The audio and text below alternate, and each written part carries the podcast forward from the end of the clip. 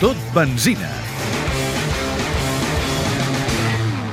El circuit de Catalunya ha superat un segon any de crisi internacional el 2010 que el món del motor, pels seus grans pressupostos, ha estat especialment dur, però ha tancat un calendari 2011 novament amb la Fórmula 1 i el MotoGP com a plats principals.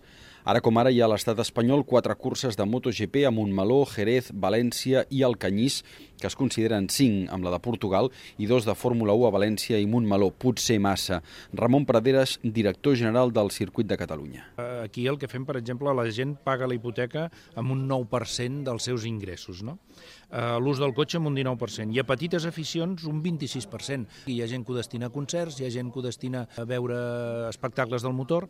El que sí sabem molt clar és que, sobretot en Fórmula 1, la gent no va a dos grans premis.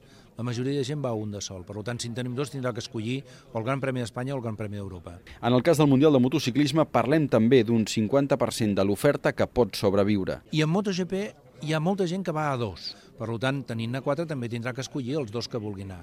Històricament, jo crec que el Gran Premi d'Espanya és el que sempre ha tingut un aforament important, a Xerès, i després la resta ens hem anat allò competint Xeste i Catalunya l'aparició de Motorland, aquí distant una mica entre Xesta i Catalunya, fa que aquesta competència s'incrementi. Amb aquest any 2011, tenint dos campions del món catalans, és l'any. És a dir, si l'afició no ve al circuit a veure el Marc Márquez, a veure el Toni Elias, que aquest any estarà en MotoGP, i a veure el Dani Pedrosa i el Jorge Lorenzo, doncs fem-s'ho mirar, no? La Fórmula 1 es disputarà a finals de maig i el MotoGP s'avança un mes i torna a començaments de juny. Ramon Praderes. El més màgic del motor. Sabeu que la setmana abans de la Fórmula 1 tindrem el Saló de l'Automòbil a Barcelona, el 22 de maig es celebra la Fórmula 1 i el 5 de juny la MotoGP.